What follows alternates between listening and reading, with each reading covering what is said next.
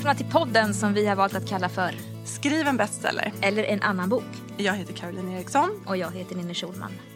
och här sitter vi nu i Piratförlagets lokaler i Stockholm med Ann-Marie Skarp som är vår gäst denna vecka. Välkommen! Tack så hjärtligt och jag välkomnar er till våra lokaler på Kaptensgatan i centrala Stockholm. Tack så mycket, vi är glada att vara här. Jättekul. Du har ju eh, ganska många roller på ditt visitkort får man säga. Eh, du är vd, förlagschef, förläggare och ibland också redaktör. Ja, och sen är jag faktiskt delägare till förlaget och Ja, grundare så dåligt. det blev mycket på en gång. Ja, precis. Men så är jag gammal också. I alla fall har jag varit med ett bra tag. Så. Eh, kan inte du börja med att vi ju, eh, har ju kommit nu till det vi kallar för frågor och svar som vi kör eh, med jämna mellanrum i Ja, podden. ja. Och idag så har ju lyssnarna fått eh, ställa frågor specifikt till dig. Eh, och jättekul, vi har fått ganska många frågor. Mm. Eh, men innan vi går in på det så tänkte vi att eh, det vore kanske trevligt om du börjar med att berätta lite grann hur och när Piratförlaget eh, grundades och vad som är speciellt med Piratförlaget eh, och så. Mm. Då ska jag verkligen försöka göra det så snabbt jag bara kan.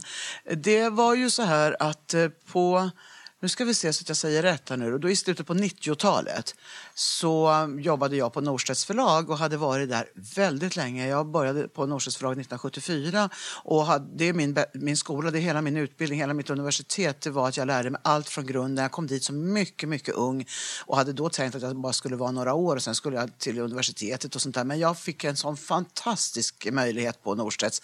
Det var en sån generationsskifte där så att jag kom liksom precis rätt i tid och fick eh, lära mig allting och delta och medverka i allting. Och så hade jag det som idag nästan inte finns, eh, den rollen. Jag var sekreterare till förlagschefen och snacka om spindeln i nätet.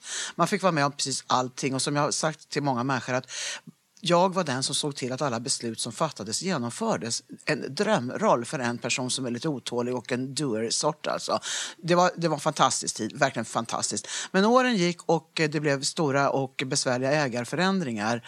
Det är inte alldeles lätt med förlag med ägarförändringar och jag kände att det hela blev inte alls som eh, det hade varit tidigare. Och vid det laget så var jag ett sedan en tid tillbaka, eh, inte gift med men levde ihop med Jan Guillou som var storsäljande författare på förlaget.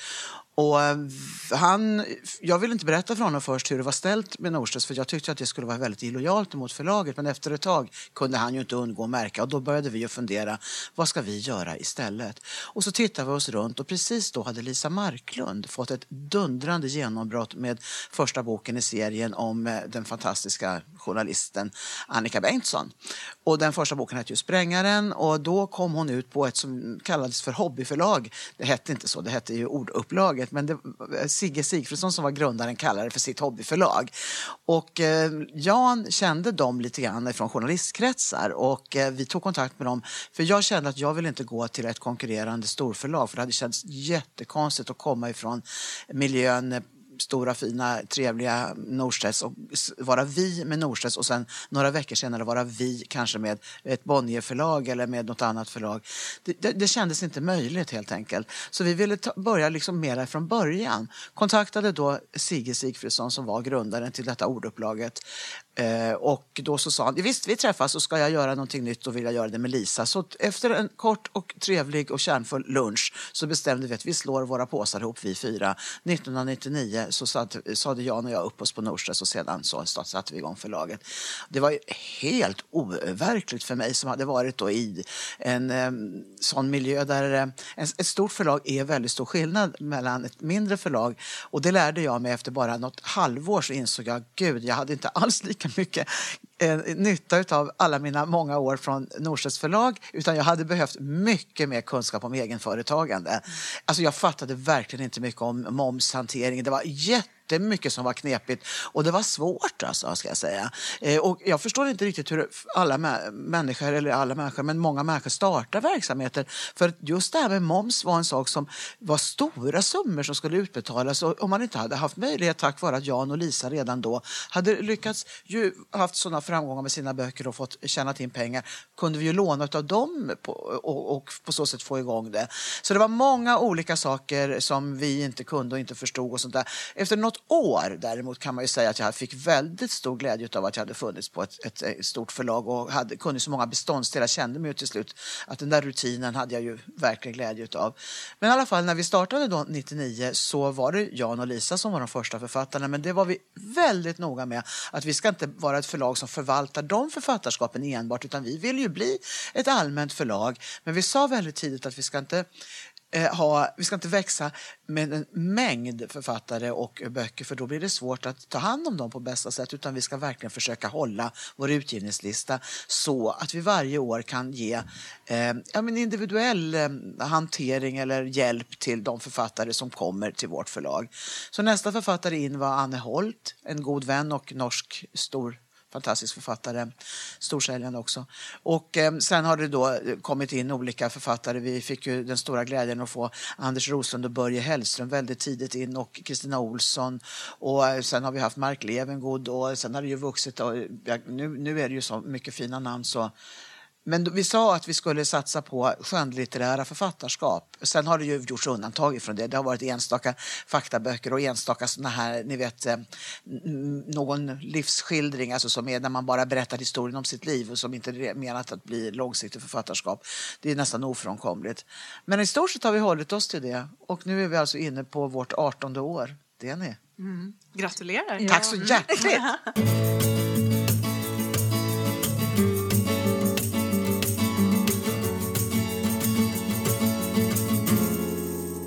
Ska vi gå över till våra lyssnares frågor då? Ja, mycket gärna. Ja. Eh, ja, den första frågan då är så här. Om man har skickat in ett manus till ett förlag och blivit refuserad och sedan arbetat om manuset grundligt, bör man döpa om manuset inför nästa försök eller borde man erkänna direkt i följebrevet att det är ett citat gammalt manus?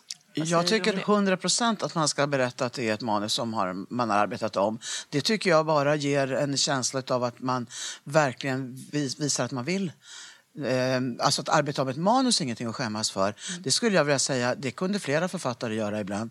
Eh, jag tycker kanske att ibland, om jag ska säga någonting, att det kan gå lite för fort fram. Så jag skulle, det skulle jag ta emot med väldigt stor respekt ska jag säga. Mm. Döpa om titel, ingen som helst betydelse. Nej. Jag skulle kunna läsa ett manus fem gånger som heter XXX i alla fem varianterna tills man har kommit fram till en titel. Så det har ingen betydelse. Men man ska definitivt berätta det. Mm. Mm. mm. Så det är snarare någonting man ska kanske känna sig lite stolt över? Ja, att man har lagt ner tiden absolut, och arbetet? Absolut, jag säger det med eftertryck. Mm. Ja. Mm. En fas. Ja. En fas! Vi ska, ja, vi ska vårda om orden, vi som jobbar med ord, vi tre.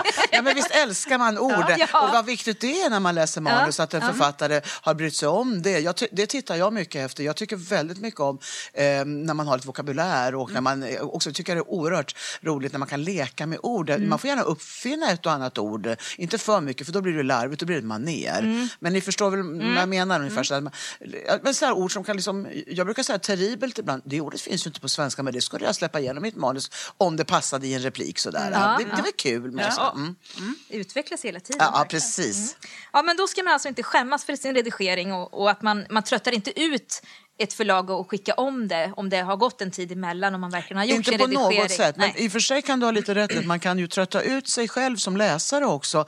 Det känner man ju själv om man har jobbat med en författares manus lite länge, mm. att till slut blir man ju blind. Mm. Och det blir ju författaren också. Mm. Så där kan det ju finnas till slut en gräns och det, det, många manus har ju till slut runnit ut i sanden därför att författaren har inte mäktat göra mer och förläggaren kanske inte riktigt heller. Nej. Men man kan ju alltid, det finns, alltså det finns en lång brett spektra emellan eh, det manus som går igenom direkt och det som man får arbeta med. Så att allt är möjligt skulle ja, jag vilja säga. Mm. ja, men det var ett bra och konkret svar. Då tar vi nästa fråga då. Jag har fått höra att manus nu för tiden behöver vara något utöver det vanliga och ha en hook. Vad betyder det att ett manus har en hook? Um, ja, hook betyder ju krok. Mm. Och det är väl inte så dumt att man har någonting att, att kroka upp det på.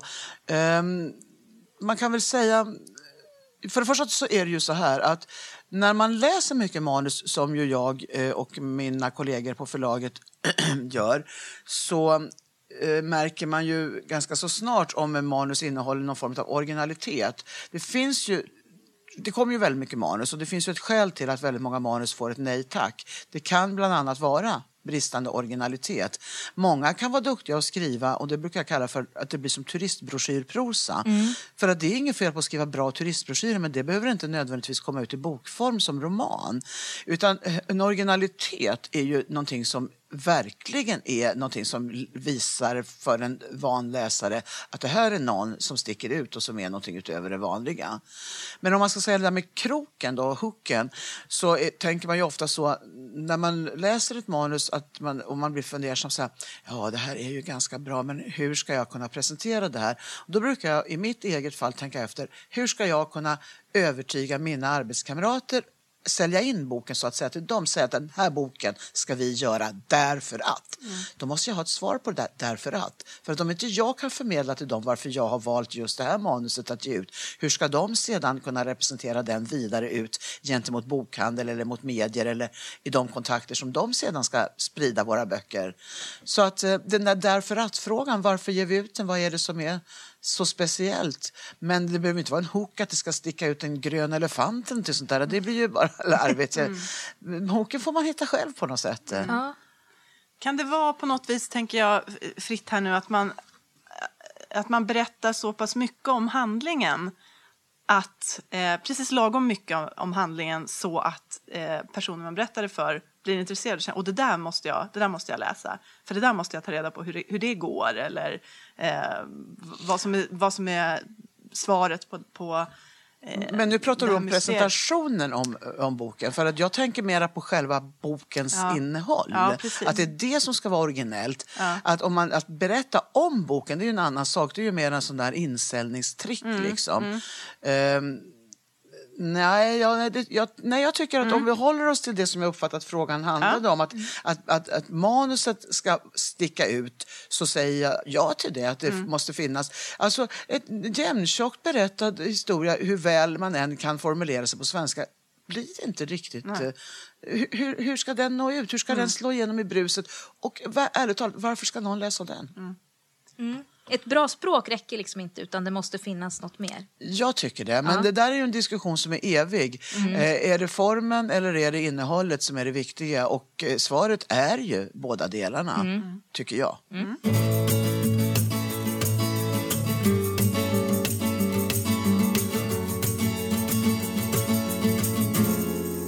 Då ska vi se.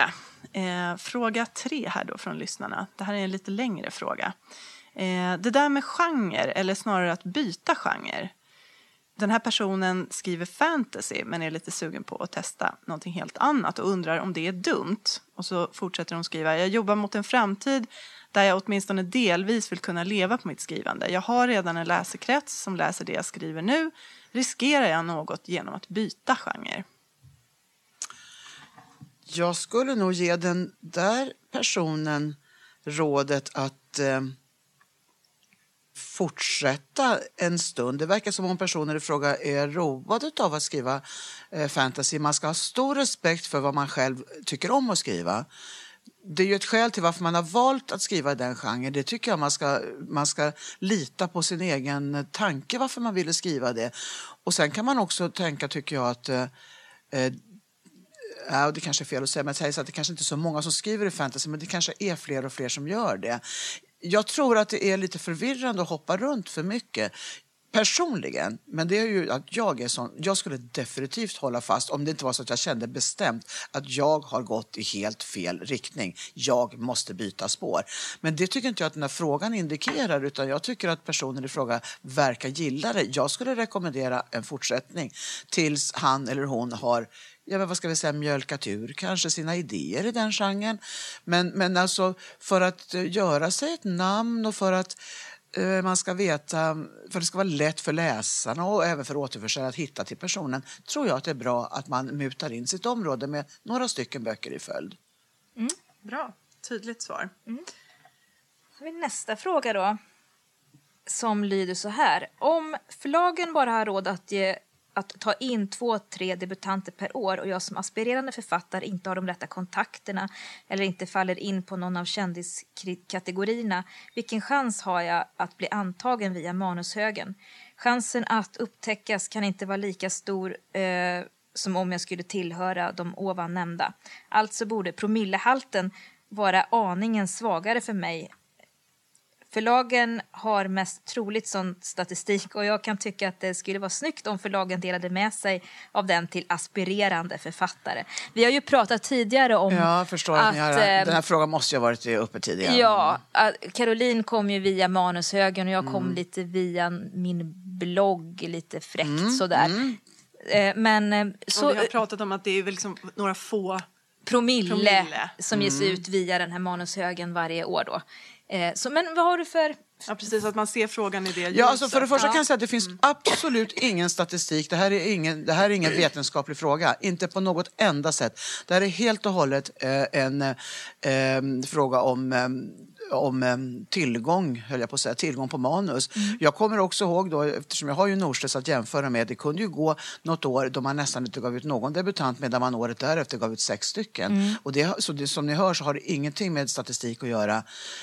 Eh, och ehm, det här med kändiskategorin är det ju naturligtvis så att om en person vars namn man känner till hör av sig så eh, kanske man lyssnar till och eh, i alla fall noterar det i den ström av inskickade manus eller mejlkontakter eller meddelande på telefonen. Och man kanske noterar det lite grann men det är inte så att en kändisperson, känd person na, naturligt, na, mera självklart får ett förlagskontrakt utan där gäller ju exakt samma sak. Kanske nästan att man blir hårdare för att man vill ju inte på något sätt eh, bara ge ut en person bara för att personen är känd. Men visst finns det så att man kanske, eh, det, det kan hända att man ser manuset lite tidigare än det andra. Men, men det finns ingenting som, som talar för att, eh, utan tvärtom är det ju väldigt många nej tack till kända personer som har gjort försök. Det gäller inte bara oss, det gäller alla förlag. Det är så? Ja, verkligen. Det Det tror jag är viktigt det här att att... säga. Ja. Ja. Därför det, det, jag tror många känner sig lite, som sitter ute och, och skriver i stugorna, att, att man måste vara känd för att lyckas. Men det är alltså, kändisar blir också refuserade. Ja, Om och om kändisar blir också refuserade. Det kan jag verkligen säga. Men du, ehm, hur många manus får ni in då i, i, eh, i just såna här sp- spontaninskick per år ungefär? Ja, nu har inte jag den siffran och Anna som är vår redaktör som är ansvarig för manus är inte här denna dag. Men jag undrar om inte vi får alltså uppåt tusen vi också. Det är ju alltså oerhörda mängder i alla fall. Ni får i storleksordningen som de stora. Ja, De det kan, kanske inte 1000, kanske 800. Jag vet att den här frågan ställer jag till henne då och då. Och eh, det har gått lite upp och ner, men alltså det är ju väldigt mycket i alla fall. Väldigt, väldigt mycket. Så visst är det knepigt det här att, eh, att ha en möjlighet att, att gå igenom allting som man får in. Och speciellt om man är en liten organisation. För att för oss är det ju så här att vi har antagit några författare, de ska vi göra ge järnet som det heter för att arbeta bästa möjliga med. Det är klart att det är någonting som får stryka på foten och det kan faktiskt bli de inskickade manushögarna som eh, eh, Anna och Sofia, min förläggarkollega, arbetar väldigt mycket med. Men eh, men ehm, det finns ju gränser för hur mycket man kan hantera saker och ting. Så det är ju ofta ett dåligt samvete. Jag tänkte, för vi hade, ska vi ta, vi hade en fråga på det temat här. Ja. Ska vi ta den Fortsätt på med en den. gång? Ja. Där? Hur stor eller liten del av manuset läser förlagen egentligen? Finns det något som får dig att lägga bort ett manus typ direkt? Vad i så fall? det är väldigt få manus som kommer direkt till mig i första hand. Det är ju förstås människor som, som kontaktar mig så, och då i, i, kan jag ibland tänk, bestämma mig för att de här tar jag bara raka spåret hem och läser just den här eftermiddagen eller kvällen för att jag har möjlighet att göra det. Men annars så går de ju en mer formell väg då via Anna just och eh, Sofia. Um, men om jag nu har tagit hem ett manus så kan jag väl säga att jag på tio sidor skulle känna direkt om det var så uruselt skrivet. Och det kan faktiskt ha hänt kan jag säga. Att det är en person som inte alls har någon som helst förmåga till språkbehandling. Um, det har faktiskt hänt. Och då, det, det, då kan man säga direkt att det, det här kommer inte att räddas av att jag läser 20 sidor till eller 50 sidor till. Utan det, det här var inte alls det var hellre än bra i högsta grad.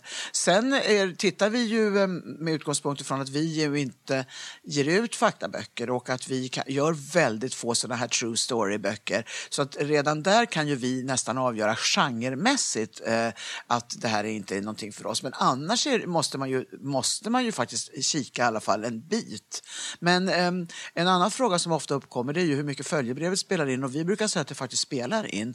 ja, att en person, ja en person som har skrivit ett, ett eh, behöver inte vara långt, för lång, långt blir inte bättre. Men på något sätt väcker ett intresse genom följebrevet. Det är faktiskt jättebra. Det kan jag verkligen rekommendera. Kan man på ett kort och kärnfullt och bra sätt presentera sin bok och vad man, vad man, vill, gör, vad man vill uppnå som författare, alltså någon, sådär som väcker intresse, så är det väldigt bra. Kan du ge ett exempel på vad som skulle kunna vara eh, ett bra följebrev då? Eller någonting som skulle få dig att, att tycka att... Tydlighet, och, alltså verkligen tydlighet. Eh, Så här, Hej, jag heter eh, ehm, XX, säger vi nu igen då.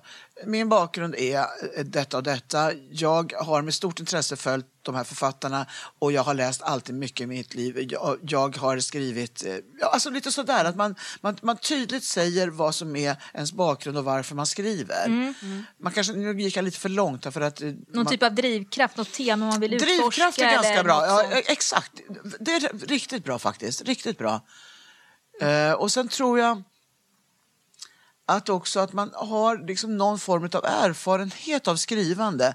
För att jag tror att man blir en bättre författare om man har varit väldigt skrivande för sin egen eh, liksom byrålåda eh, hem, hem, hemifrån redan sin barndom. Och, alltså att skriva dagbok till exempel är ju en jättebra träning.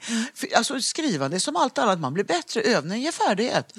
Det är precis som allt annat. Det är, alltså, det är ju det är inte så att Ulf Lundell damp ner på jorden utan att ha skrivit tidigare när Jack kom ut. Han hade ju suttit och skrivit och skrivit och skrivit. Och jag talade om Lisa Marklund tidigare. Det är exakt samma med henne. Hon hade ju skrivit sedan hon var liten flicka där uppe i den lilla byn Pålmark i norra Norrland. Så att, eh, att ha skrivit mycket, det är den bästa skolan. Nu för tiden så ska man gärna vara lite kaxig sådär generellt, att jag är jättebra och sådär. Är, är, det något, är det ett bra tips inför ett följebrev att här ser ni nästa succé? Nej! Bra! Återigen med en fas, det Ja. gillar vi. Man ska vara lite lagom... Alltså, jag Ärlig inte- bara. Ja, verkligen. Ja. alltså, det- var seriös och visa att man, man verkligen vill någonting. Man, man, Mm. man, så. Men det där med att, att några, en del har ju skickat in med såna konstiga, liksom, eh, jag tror att man ska göra någon slags udda inskick sådär. eh, och det, det har heller ingen betydelse, Nej, jag nej, få säga. Det, det, det ska är inte- innehållet som är... Ja, det är verkligen så. Det är verkligen så. Är det någonting annat sådär när vi är inne på just det här med, med följebrev och hur man gör när man skickar in manus? Någonting speciellt som, man, som kan vara bra att tänka på? Ja, så det ska ju vara lätt eh, att- att läsa. Det har ju, eh, nu är det ju nästan allting snygga och bra datorutskrifter men förr i tiden kunde man ju få ganska kladdiga och slarviga manus. Det tar ju emot att börja läsa. Det är faktiskt en sak som jag tycker är viktig förresten, att man inte har slarv, att det inte är slarv. Eh, det finns ju många etablerade författare som är lite småslarviga med hur de sätter punkt och komma och sådana här saker och lite mellanslag hit och dit och dit. Sådär. Eh, det sköter man ju om i redigering och korrekturläsning och så. Men det ger ett väldigt mycket bättre intryck på ett inskickat manus och är oändligt mycket trevligare för den som ska läsa, nämligen redaktören eller förläggaren, om det är ett manus som är snyggt och prydligt och sådär.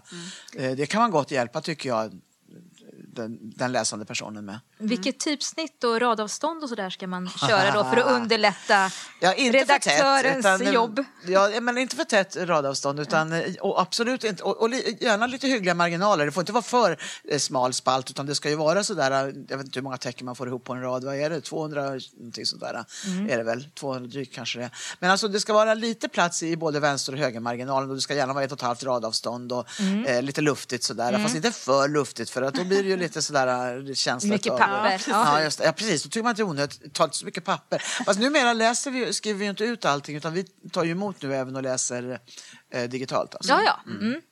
Men det här är väl också sådana instruktioner som, vill jag minnas från min tid när jag satt och, och googlade på olika förlag och, och tittade på hur man gjorde när man skickade in manus, att det var ganska vanligt faktiskt att förlagen var ganska bra på att tala om i vilket Så eh, idag, ja. format man vill ha absolut, ja. det, ett bra tips skulle väl kunna vara att gå in då på det förlaget Ja, som det man vill alldeles till riktigt. och se vad som står men, där. Men det är, det är ju klokt i alla fall att uh, ha gått igenom. Ja, alltså, ett manus mår ofta bättre ju flera gånger man har gått Mm. igenom det och gått över det. Det vet ju ni som är erfarna författare att eh, man ser ju saker, nya saker varje gång. Alltså. Mm.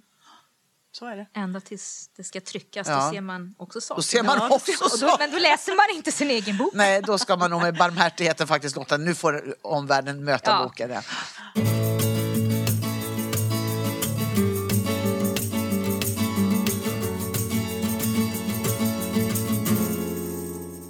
Vi har en fråga om eh, vad förlagen letar efter just nu och om det finns några genrer som är mer heta än andra och också då om det är någonting som är helt ute. Nej, svaret på den frågan är inte att vi söker efter någon särskild genre eller att det är någon som är helt ute. Utan det är verkligen så att eh, det kan vara bra böcker inom vilken genre som helst och det kan vara dåliga böcker inom vilken genre som helst och överraskningen är det roligaste. Så att eh, kom gärna tillbaka med någon utegenre och överraska oss, det skulle vara kul. Mm. Det sägs ibland att deckare, den kvoten är fylld och ja, nu ska det, vara skickligt och, ja. och relationsrum. Alltså, det, det, det sägs ju lite ibland ja. sådär men det, ni ser det inte så utan ni Nej, jag, jag ser det lite så för jag har ju sagt det till alla människor att, att eh, nu måste det snart bli eh, så att eh, hela, att mm, det, alltså, det, det, kan, det kan inte vi kan inte fylla på med flera eh, deckarförfattare. Men det har ju lik förbannat kommit nya som har debuterat de senaste åren och det har gått väldigt bra för dem. Och jag vill inte säga att det är andra som direkt har fallit ifrån som har tagit plats. Att, eh, men det, alltså det finns ju bara ett visst antal läsare i det här landet. Så att vad som har hänt är ju, eh, om vi ska gå in på sådana saker, och jag talade här om Lisa och Jan som ju hade sådana fantastiska succé med sina böcker när vi eh, började förlaget. Upplagorna på de där gigantiska framgångarna framgångarna är ju en aning, har ju gått ner mm. därför att det är många flera författare mm. mm. som säljer stora upplagor. Och då blir det eh, lite utspritt på flera. Mm. Det är ganska många som kan livnära sig på att skriva böcker i Sverige nu, det var ju inte alls så förr. Mm. Det är en intressant mm. utveckling. Ja, mycket. Visst är det. Ehm, ja, hur stor eller liten del av manuset läser förlagen egentligen? Den har vi haft. Där. Jag svarar nog inte på det. Det är väldigt olika. Ja. Det är klart att det är många utav, när man har stora manushögar och sätter sig ner Eh, inte varje dag och inte varje vecka utan det kanske går en stund mellan varven. Då går det ju inte att Det finns inte en chans att Nej. läsa varje manus som kommer in från början till slut. Nej. Så är, det är fysiskt helt omöjligt ja. det tror jag inte något förlag gör. Men eh, ju mindre förlag man är desto färre personer har man ju som kan ägna sig åt detta. Utan vi får ju verkligen pussla så att det inte är klokt alltså för att få möjligheten att, att eh, att sätta oss in i de här manusen. Så att eh, just sätta sig in i kan man ju göra på olika sätt. Lite läsning från början är ju i alla fall det som de flesta manusen får. Mm. Och sen, sen, kan, sen märker man ju då om man vill läsa mer eller om man då ska lägga ut det kanske på någon lektör eller någon av oss ska läsa mer. Och, och är det så att någon har tyckt att det här är bra då är det ytterligare någon som läser för att man ska liksom få ett, eh, en till läsare innan vi fattar ett utgivningsbeslut. Oftast gör vi så. Mm. Mm.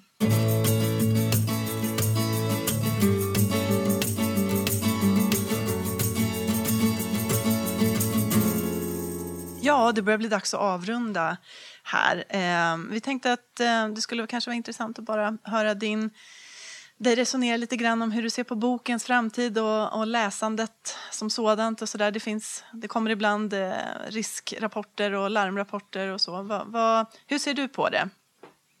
Ja, det har varit lite larmrapporter genom åren och lite oro. Och mm, det är ju inte alldeles entydiga siffror som man får fram, men just precis nu, sen bara någon vecka tillbaka, så har det kommit en Eh, den senaste branschstatistiken som ju pekar på en mycket glädjande sak och det är att bokläsandet för barn har gått upp igen. Eh, för ett par år sedan så kom ju den här PISA-rapporten som ju pekade på att det gick så otroligt dåligt för svenska barn i skolorna och då verkade det som om alla föräldrar rusade iväg och började köpa böcker till barnen för det var ju en påtaglig ökning.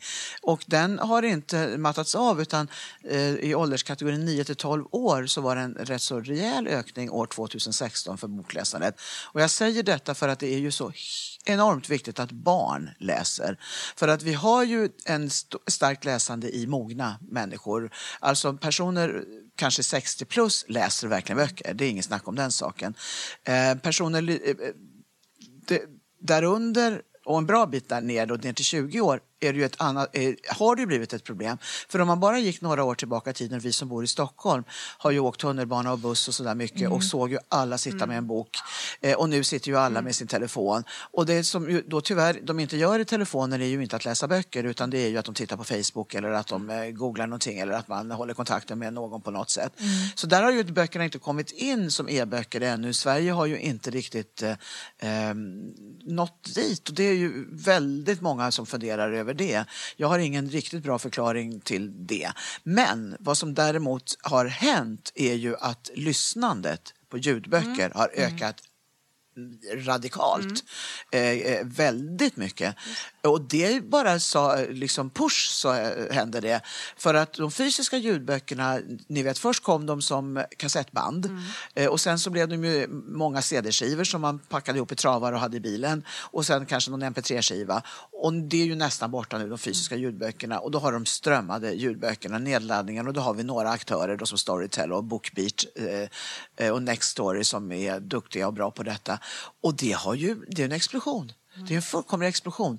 Eh, de som ägnar sig åt detta, vilket jag då inte gör, för jag åker för lite bil. Jag tror att det är väldigt mycket bilåkande och eh, mycket motionsspring och gående och det gör jag också för lite för den delen.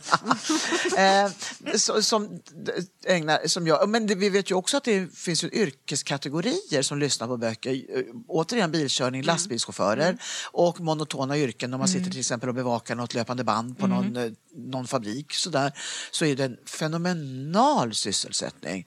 Och då kan folk vara storkonsumenter. Och, så då, det drar upp hemskt mycket.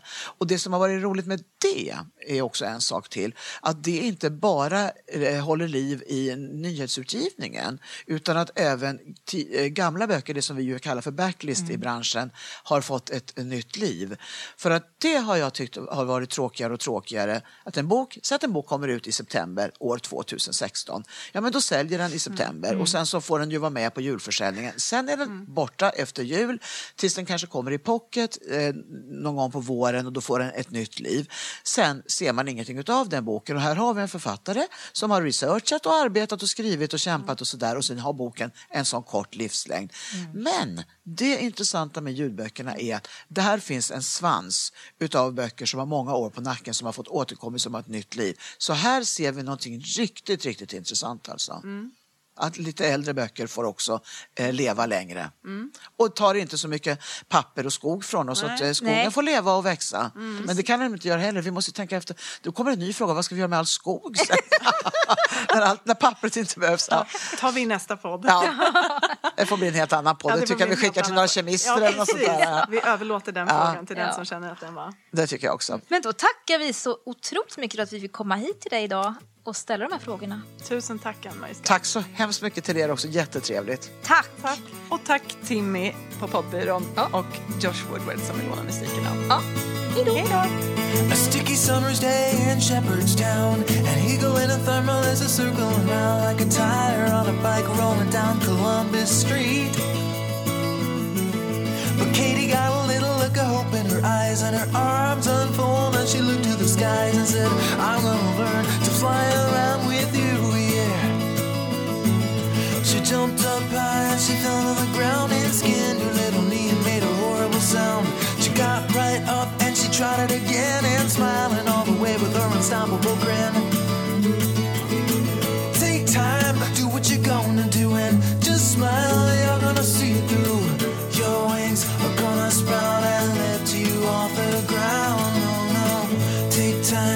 what you gonna do? Just smile, you're gonna see it through. Your wings A gonna sprout and you will learn to fly.